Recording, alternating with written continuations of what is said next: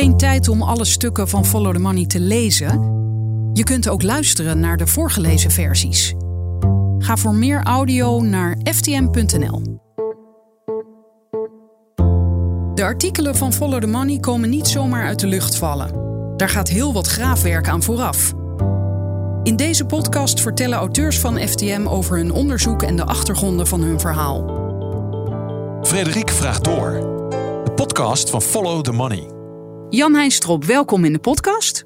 Hi Frederik. Jij hebt een artikel geschreven in het coronadossier.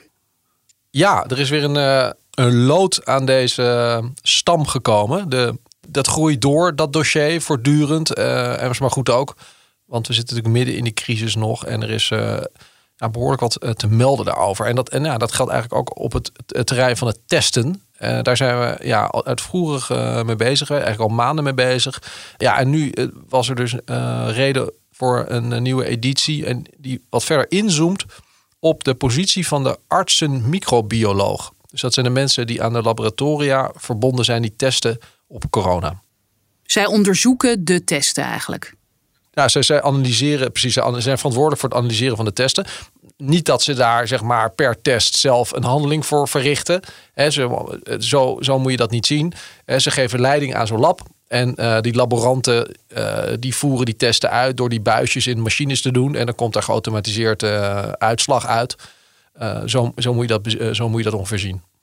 En deze arts-microbiologen, dat zijn weer andere mensen dan virologen? Ja, in principe zijn dat twee verschillende disciplines. Maar er zijn ook mensen, virologen, die ook arts-microbioloog zijn. Uh, dat bestaat ook. Maar meestal zijn het inderdaad alleen, zijn ze alleen arts-microbioloog en niet ook viroloog. Oké, en toen ik jouw stuk las, en we komen daar natuurlijk zo op, toen dacht ik: hé, hey, wat ik hier nu lees, dat had je al een beetje verteld in ons vorige gesprek. Toen het ging over die Duitse laboratoria die in maart en april zeiden: jongens, wij horen jullie steeds over uh, te weinig testcapaciteit. Wij kunnen bijspringen. Maar toen bleek dat uh, die arts-microbiologen in Nederland eigenlijk hadden gezegd: Nou, we zitten niet echt te wachten op concurrentie. Wij regelen dit zelf wel. En toen was er een taaleis opgeworpen. Mensen die bij het Duitse lab werkten, moesten dan Nederlands kunnen spreken. Dat is allemaal heel merkwaardig. En toen wierp jij ook alvast even je licht op uh, onafhankelijke arts-microbiologen die behoorlijk wat verdienen aan die testen. Ja, we hebben dat aan de orde gesteld al, in inderdaad in een eerder stuk. En dat ging eigenlijk over de belangenverstrengeling van de arts-microbiologen die leiding geven in Nederland aan dat testbeleid. En die verantwoordelijk waren voor de uitbreiding van de testcapaciteit. Nou, die, die, die arts-microbiologen die waren allemaal afkomstig van, het, uh, van ziekenhuizen en ziekenhuislabs. En die hebben, hadden, ja, dat blijkt, uh, ook al wat ze zelf zeggen, heel erg veel belang bij het in stand houden van het huidige systeem. En die wilden niet dat er ja, inmenging kwam van andere ja, grotere partijen die ook wellicht efficiënter kunnen werken en goedkoper kunnen werken. En uh, ja, het blijkt ook dat ze, dat, ze, dat ze die geweerd hebben en in ieder geval niet gecontracteerd hebben in de zomer. En toen stond dat testtekort. Maar er was, er was ook nog een heel specifiek financieel belang bij een groep van die artsen. En er is een minderheid hoor van de arts-microbiologen. De meerderheid is namelijk in loondienst. Hè, dus die verdient gewoon wat ze verdienen. Maar er is dus ook een groep arts-microbiologen, die vrij gevestigd is. Uh, ja, je noemde het net even onafhankelijk. Ik denk niet dat dat. Nee, ik bedoelde eigenlijk uh, ZZP'ers. Ja, exact. Het zijn een soort, precies. Het zijn een soort onder, ja, ZZP'ers, ondernemers. Hoewel niet ZZP'er, want ze functioneren in een maatschap. Dus ze zijn zelf met de andere arts-microbiologen zitten ze in een maatschap. En die maatschap verhuurt zich vervolgens aan het ziekenhuis. Nou, die, deze, deze artsen, uh, laten we zeggen, het zijn er iets van 100 of zo in Nederland. Een deel daarvan blijkt fors te verdienen aan coronatesten. En dat komt omdat zij gewoon per test betaald worden door dat ziekenhuis. Nou, dat, dat tikt natuurlijk lekker aan hè, met, de, met de volumes die er nu zijn. Hè. De echt, echt duizenden, sommige labs doen duizenden testen per dag aangezonden 65 euro. Dat, en als je daar een percentage van opstrijkt, nou, dan kun je je voorstellen dat het uh, om behoorlijk serieus geld gaat. Nou, verdeeld over die artsen zou zomaar eens een paar ton kunnen opleveren. Nou, dat is een heel interessant fenomeen, want dat geld eh, wat ze betaald krijgen, eh, die vergoeding per test, dat is ook gemeenschapsgeld. dat, dat, moeten wij met z'n allen als belastingbetaler uh, opbrengen. Nou, dus wij, we hebben dat op zich geconstateerd. Die constatering hebben we inderdaad al gedaan, zoals je terecht zegt. maar het riep natuurlijk nog heel veel vragen op. Waarom is dit? Waarom werkt dat zo? Dat lijkt heel anders te werken dan de verzekerde zorg. Daar, daar, daar, daar kan dit niet. welke artsen gaat het om? Welke ziekenhuizen hebben we het dan eigenlijk precies over? Wat voor type afspraken zijn er dan gemaakt? En is er een beweging om hier iets aan te doen? Want de beroepsvereniging van die uh, artsen microbioloog, die had dit ook al geconstateerd en aan haar leden een brief gestuurd en gezegd: we maken ons daar zorgen over. Want op een gegeven moment is dat, is dat niet meer uit te leggen aan de buitenwereld hoeveel die lui verdienen. En daar moeten we wat mee. Kun, kunnen jullie alsjeblieft, hadden ze gevraagd, kunnen jullie alsjeblieft zelfstandig naar het ziekenhuisbestuur stappen en dan je loon uh, matigen of tot andere afspraken komen. Uh, dus zo ernstig waren die zorgen. Daar zijn we dus op doorgegaan en, en dat heeft dus geresulteerd in, dit artikel. Ja, maar nog even. hebben die arts-microbiologen dat gedaan? Zijn ze gaan vragen of ze alsjeblieft minder kunnen verdienen aan die testen? Ja, nou, er zijn er, er, zijn er ja, we hebben dat van één, ja, van die, de, de bestuurder van de NVMM, die beroepsvereniging. Die, die zegt dat hij dat gedaan heeft. Die is de auteur van die brief. En dan is er ook nog één, ja, geloof ik, één andere maatschap. Uh, of club artsen die zei van uh, we zijn naar het bestuur gestapt. Uh, maar die was nou net een club die juist bijna niks verdiend had aan die GGD-testen. Coronatesten, want die deden dat nauwelijks voor de GGD. Daar is waar de volumes vandaan komen. Hè, moet ik wel even bij zeggen. Hè, we hebben die, die testraten, de GGD heeft al die testraten geopend. En dat is waar echt die, die, die vele ja, die tienduizenden testen per dag vandaan komen. Hè? Want die arts-microbiologen die testen ook, of ik moet zeggen artsen, microbioloog, die testen ook natuurlijk gewoon voor ziekenhuispersoneel en patiënten in het ziekenhuis. En maar er zijn veel lagere volumes. Dus echt een grote testvolumes die komen bij die GGD vandaan. En daarvoor geldt ook dat dat 65 euro tarief betaald uit gemeenschapsgeld. De testen die voor patiënten worden gaan in het ziekenhuis, dat, dat is verzekerde zorg. Dus dat wordt uiteindelijk door de zorgverzekeraars opgebracht. Ja, maar het is toch zo dat um, in de medische wereld een, aantal jaar geleden een maatregel is getroffen waardoor er geen of een mindere perverse prikkel is ontstaan. Dus het is niet zo hoe meer operaties je doet, hoe meer je verdient, bijvoorbeeld. Maar dit lijkt daar wel haaks op te staan. Nou, dat, dat, dat, dat klopt. Hè, wat jij zegt. Dus, dus Kijk, dat, het, misschien wel goed om een beetje inderdaad uit te leggen hoe dat stelsel uh, dan functioneert. Hè? Dus vroeger inderdaad was er een, werden die artsen, microbiologen en ook trouwens chirurgen of radiologen of noem maar op, werden betaald per verrichting. Uh, dus als zij inderdaad, als je chirurg uh, meer opereerde, kreeg je ook meer betaald. Nou, dat, dat, dat leverde in die zin een perverse prikkel op, dat, omdat die artsen dus ja, geprikkeld waren om zoveel mogelijk uh, zoveel mogelijk handelingen, verrichtingen te doen. Want daarmee liep hun salaris op. Nou, dan kun je je voorstellen dat er ook ja, dat er gesjoemeld werd met allerlei declaraties. En dat er allerlei ja, behandelplannen werden opgesteld met, met, met, met, met, zaken die patiënten wellicht helemaal niet nodig hebben. Uh, nou, dat, dat, en de zorg werd daardoor natuurlijk steeds duurder. Dus dat, die prikkel die wilde men uit het systeem halen, terecht denk ik. En dat is dus in 2015 gebeurd. En dat geldt ook voor die arts en microbioloog. Daar is ook een plafond gesteld aan wat ze, wat ze kunnen verdienen per jaar. Dus ja, uh, hoeveel testen uh, ze ook doen in het kader van de verzekerde zorg, ze krijgen uh, min of meer een vast bedrag. Ja, het is een beetje ingewikkeld, hangt natuurlijk van allerlei factoren op zich af. Hè. Het kan een beetje schommelen, maar er zit een heel duidelijk plafond aan. Nou, en dat plafond, gek genoeg hebben we ontdekt, dat geldt in principe niet voor de vergoeding voor coronatesten die bij de GGD vandaan komen. Dus waar die grote testvolumes vandaan komen. waarom niet? ja, dat is het gekke. Dus, dus, dus dat, dat, dat, dat systeem wat we nu hebben, dat is helemaal opgetuigd voor de verzekerde zorg. Ja, zorg waarvoor, waarvoor patiënten verzekerd zijn. Dat is natuurlijk de hoofdmoot van alle zorg in Nederland. Nou, daar, die ziekenhuizen krijgen gewoon ieder jaar een pot geld van de zorgverzekeraars. Ze onderhandelen daarover. En dat geld wordt vervolgens verdeeld onder die medisch specialisten. Die vrijgevestigd medisch specialisten. Maar dit geld komt dus niet van de verzekeraars. Dit geld komt uit het zogeheten openbaar gezondheidszorgbudget. Nou, en dat is een potje geld. Dat is ingesteld voor de bestrijding van infectieziekten. Nou, dat is hè, zoals, zoals, zoals uh, corona, is ook een, uiteraard een infectieziekte. Nou, normaal gesproken stelt het budget uh, heel weinig voor. Dan moet je je voorstellen dat het uh, even 100, 200.000 euro gaat het dan om. Dan moeten er bijvoorbeeld eens eventjes wat mensen getest worden op tuberculose. En, nou, en, daar is dan dat potje geld voor, want mensen die niet verzekerd zijn, moeten ook getest worden. En nou, dat is dan een beetje vervelend. Dus met die kosten op te zalen. Dus dat doet, neemt de overheid die kosten op zich. Hè? Zo moet je dat zien. Maar wat is er nu gebeurd met het OGZ-budget? Dat van een paar ton is dat geëxplodeerd naar, naar vele honderden miljoenen. Ja, want we willen natuurlijk met z'n allen testen. En dus hebben we het over, ik heb het een beetje nagerekend. We hebben het over meer dan 200 miljoen vanaf 1 juni, wat er al aan, uit is. En uh, voor 1 juni gaat het ook nog eens een keer om 30 miljoen euro. Dus we zitten al, we zitten al op een, echt op een heel aanzienlijk bedrag. En dat bedrag zal nog veel verder oplopen. Want we gaan deze winter en het voorjaar gaan we natuurlijk uh, nog meer testen. Uh, waarschijnlijk. Althans, het is niet de hoop natuurlijk, maar het, gaat, het, het ziet er wel zo uit. We kunnen best wel uh, rekenen op zeker iets van een half miljard. wat naar die ziekenhuislabs gaat aan gemeenschapsgeld.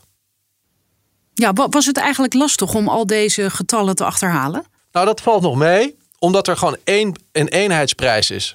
Dus VWS heeft, hè, Volksgezondheid, het ministerie heeft op een gegeven moment gezegd...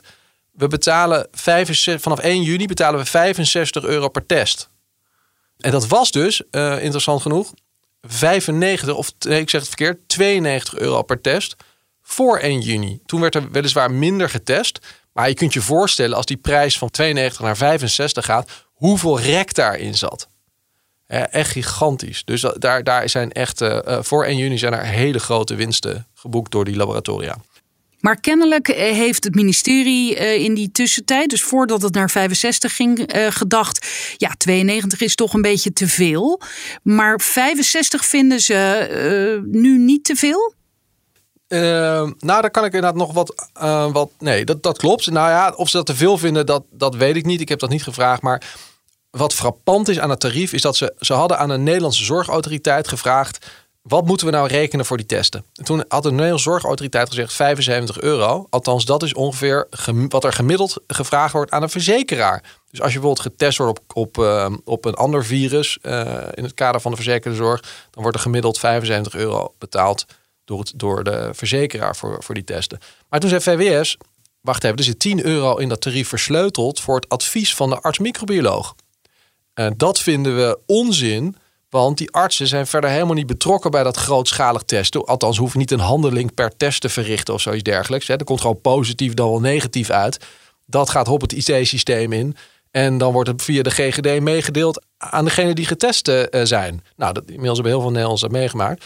Uh, daar komt geen arts aan te pas. Dus VWS zei van, nou, we hakken die 10, die 10 piek, die hakken we eraf.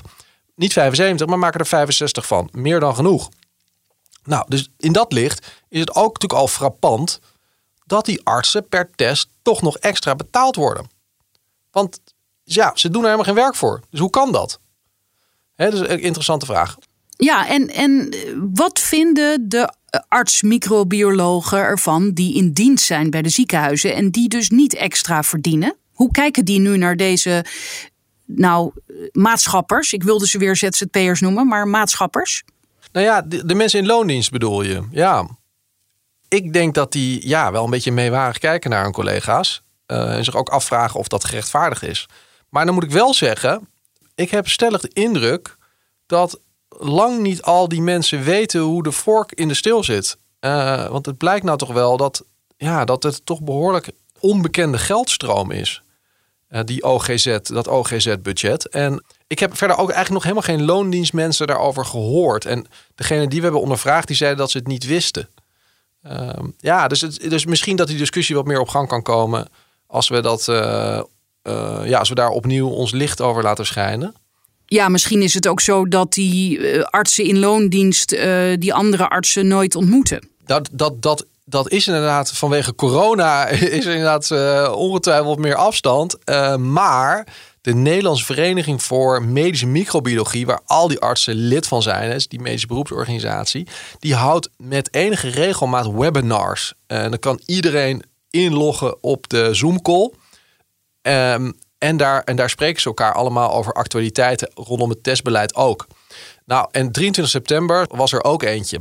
En de voorzitter van de NVMM, van die medische beroepsvereniging van arts-microbiologen, die, die sprak daar. En die had het openingswoord. En die zei: Oi, oi, oi, uh, we hebben er wel erg veel aan verdiend. Als dat uitkomt, hoe moeten we dat nou verdedigen? Uh, daar gaan we nog last van krijgen. En die deelde haar zorgen op, op die manier met, met, met al die leden. Nou, dat vond ik toch wel frappant. Was jij daar ook in gelogd of heb je dit achteraf vernomen? Nee, we hebben een aantal, aantal deelnemers aan dat webinar natuurlijk gesproken. En uh, die hebben dat uh, verteld. Ja, en over dat negatieve imagoprobleem, daar zijn kennelijk zodanige zorgen over dat er ook een professioneel kantoor in de arm is genomen. Ja, dat is wel grappig. Dat, dat, dat bleek niet uit het webinar hoor, maar dat bleek uit het jaarplan van het bestuur voor 2021 van de NVMM. Daar blijkt hoeveel zorgen zich, uh, uh, zorgen, uh, zich maken over het feit dat er natuurlijk negatieve publiciteit is geweest over de dubbele pet en de belangenverstrengeling. Waardoor, waardoor die testcapaciteit niet is uitgebreid. Maar ze, maken, ze blijken zich ook zorgen te maken over überhaupt over het, het beeld rondom die diagnostiek, rondom die labs. Namelijk het beeld bij verzekeraars en bij, bij, bij de politiek dat die lui veel te duur zijn. Dat die diagnostiek in Nederland veel te duur is. En daarom hebben ze dus Dreugen en Van Drimmelen ingehuurd recentelijk. Dat is een, echt een hartstikke uh, duur, chic lobbykantoor in Den Haag. Dat, dat, zijn, dat zijn echt uh, serieus te nemen jongens. Daar, daar mensen als Ben Bot, oud-minister Ben Bot is daar aan verbonden. En hebben allemaal hele grote klanten, zoals uh, de Consumentenbond, uh, maar ook tabaksfabrikanten. Russische oligarchen mogen er ook graag aan kloppen. Heeft de Consumentenbond ook al een imago-probleem? Nou, dat, dat valt buiten het bestek van deze podcast. maar wellicht. Uh, maar ook Google, Tesla. Nou, je moet je, het gaat niet alleen. Het, kijk, mensen die wenden zich daar niet alleen voor een imagoprobleem. Maar ook als ze gewoon bepaald beleid willen uh, voor elkaar willen boksen. Natuurlijk in Den Haag. Hè, daar huur die lui ook voor in. Het is ook een lobbykantoor dus. Het is vooral een lobbykantoor. Uh, het is niet een, een, zo'n een bureautje dat persberichten schrijft, zeg maar. Zo moet je het niet zien. Hè? Het is geen uh, communicatieadviesbureautje. Het is echt een, uh, echt een stevig lobbykantoor. Aha, ja. En wat hebben zij voor de arts-microbiologen gedaan? Nou, dat weten we eigenlijk nog niet. Naar buiten toe lijkt het erop niks. Kijk, en dat is niet zo gek, want die lui werken ook achter de schermen natuurlijk veel. Hè? Ja, lobby zou niet echt een goede lobby zijn als het voor iedereen zichtbaar is, denk ik. Ik denk dat veel daarvan, dat zien we niet. Het zou ongetwijfeld ook een lobby zijn in de richting van VWS hè, om hun tarieven te rechtvaardigen. Uh, ja, richting Kamerleden wellicht. Dat, dat zijn dingen die we, die we niet zien. Wat ik wel denk is dat er wordt nagedacht over een communicatiestrategie ten aanzien van dit onderwerp. Nu hebben wij allemaal vragen gesteld natuurlijk, naar aanleiding van onze bevindingen. En die ook voorgelegd aan alle ziekenhuizen, voorgelegd aan de NVMM zelf. Maar goed, daar, daar krijgen we dus geen antwoord op. Helemaal geen antwoord? Nou nee, dan zeggen ze we zijn bezig met een fact sheet. En misschien dat je die krijgt op tijd. We hebben het al een week geleden gevraagd. Uh, maar misschien ook niet. Ja, daar moeten we het voorlopig mee doen.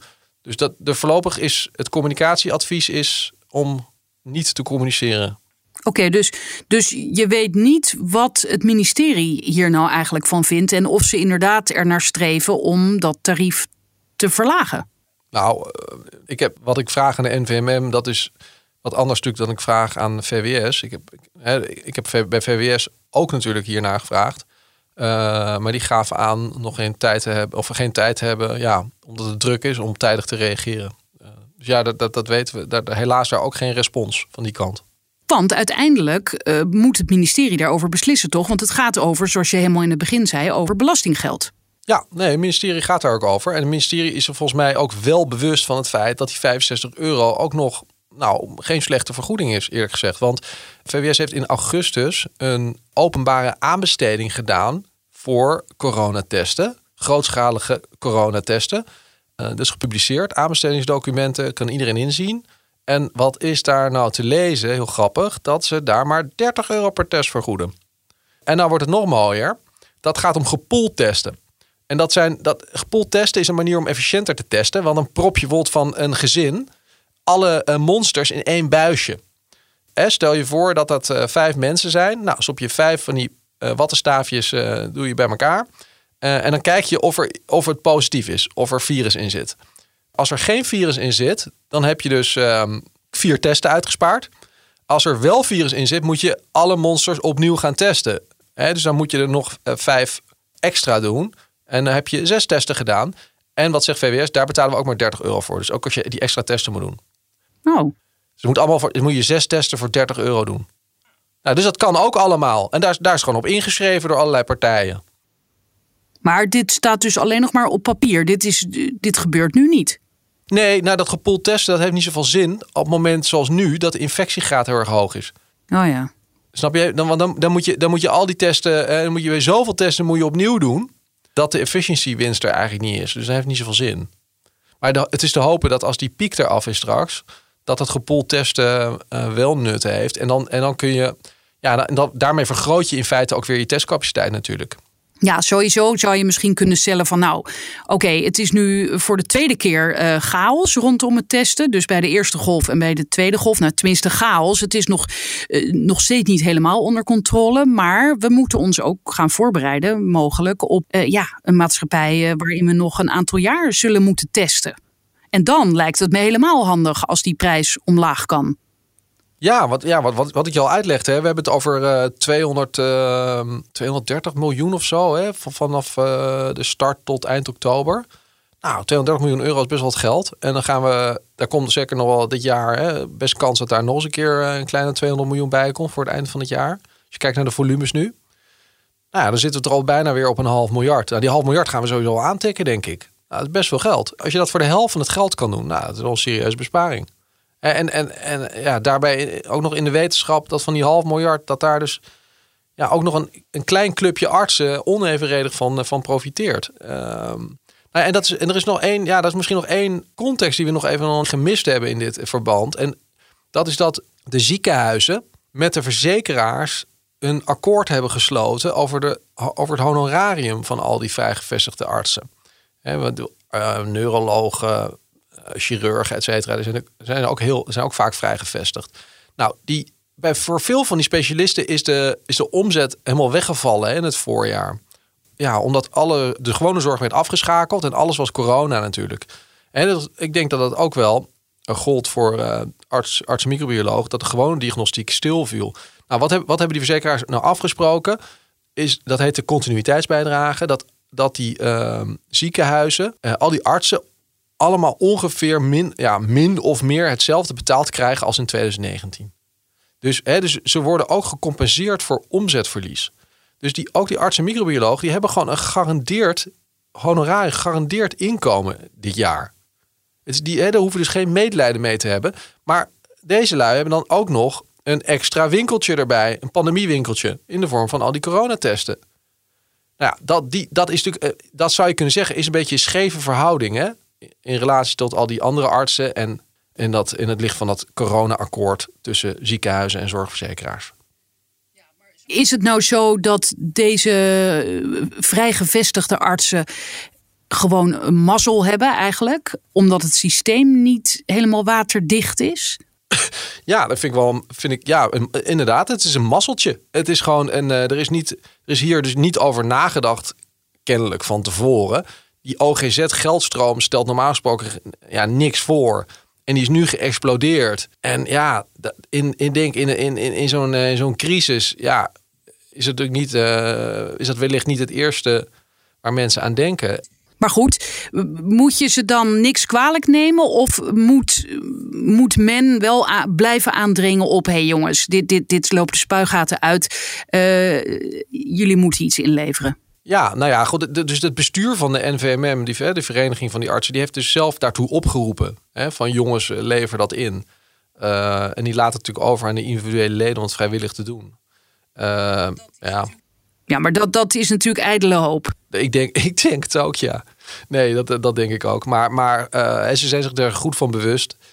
ik denk niet dat je dit verder erg wettelijk kan afdwingen.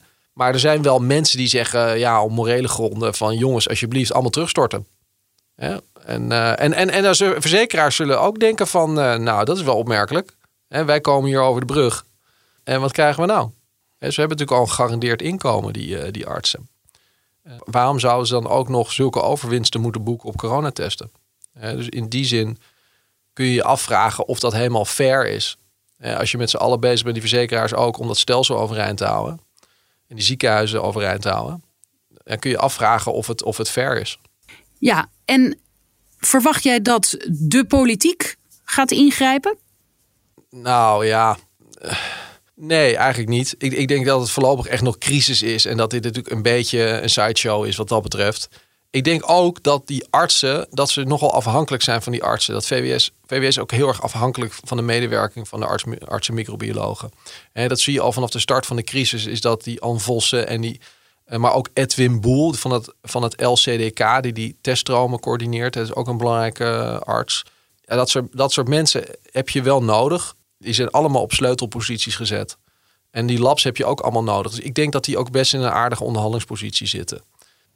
Ja, dus eigenlijk zit het ministerie in de tang. Ze hebben zich wel zo gedragen. Uh, sterker nog, ze hebben ook die arts-microbiologen gewoon geholpen bij het afschermen van de markt. Door die gekke taaleisen stellen waar je het eerder over had. Die ervoor zorgt ja, dat buitenlandse partijen uh, zich moeilijk hier op die markt kunnen, ja, mee kunnen doen. Dus het lijkt er sterk op dat, uh, ja, dat, daar, dat daar echt een soort samenwerking is geweest. En dat, dat ja. En ja, merkt ook dat, ze, dat, dat die artsen heel erg nauw samenwerken met RIVM. Uh, de artsen zijn vertegenwoordigd in dat LCDK, wat ik net al noemde. Dat is een uitvoeringsorganisatie van VWS. Dus op het moment dat je vragen stelt uh, hierover, van, laat me nou eens weten hoeveel testen ieder lab heeft verricht. Dat weten ze namelijk. Hè. Dat weten ze bij het RIVM. Dat weten ze bij de GGD'en. Dat weten ze bij de NVMM. Dat weten ze bij de individuele ziekenhuizen. Maar als je dat vraagt, dan krijg je dus geen medewerking. Dus niemand wil, dat, wil, die, wil die gegevens vrijgeven. Nou, dat vind ik opmerkelijk. Dat, uh, dat hier geen transparantie over uh, mag bestaan. Dat, dat we dus niet mogen weten als belastingbetaler waar al die honderden miljoenen naartoe gaan. En dus ga jij een beroep doen op de wet openbaarheid van bestuur, de WOP? Ja, nee, zeker. Dus dat, dat, dat, dat zullen we zeker doen. Alleen, ja, je weet hoe dat gaat tegenwoordig met die WOP. Die, daar, daar, een WOP-verzoek, daar, uh, daar, dat gebruiken ze daar als wc-papier. Hè? Dus uh, om het even een beetje cru te stellen. Dus dat is uh, leuk en aardig, maar dan kan, kan ik over een jaar, kan ik uh, jou, of anderhalf jaar, kan ik jou wellicht berichten dat ziekenhuis X 300.000 testen heeft verricht. Hè, dus dat gaan we voorlopig gaan we daar weinig aan hebben. Oké, okay, nou ja, we kunnen niet altijd met een lichtpuntje eindigen.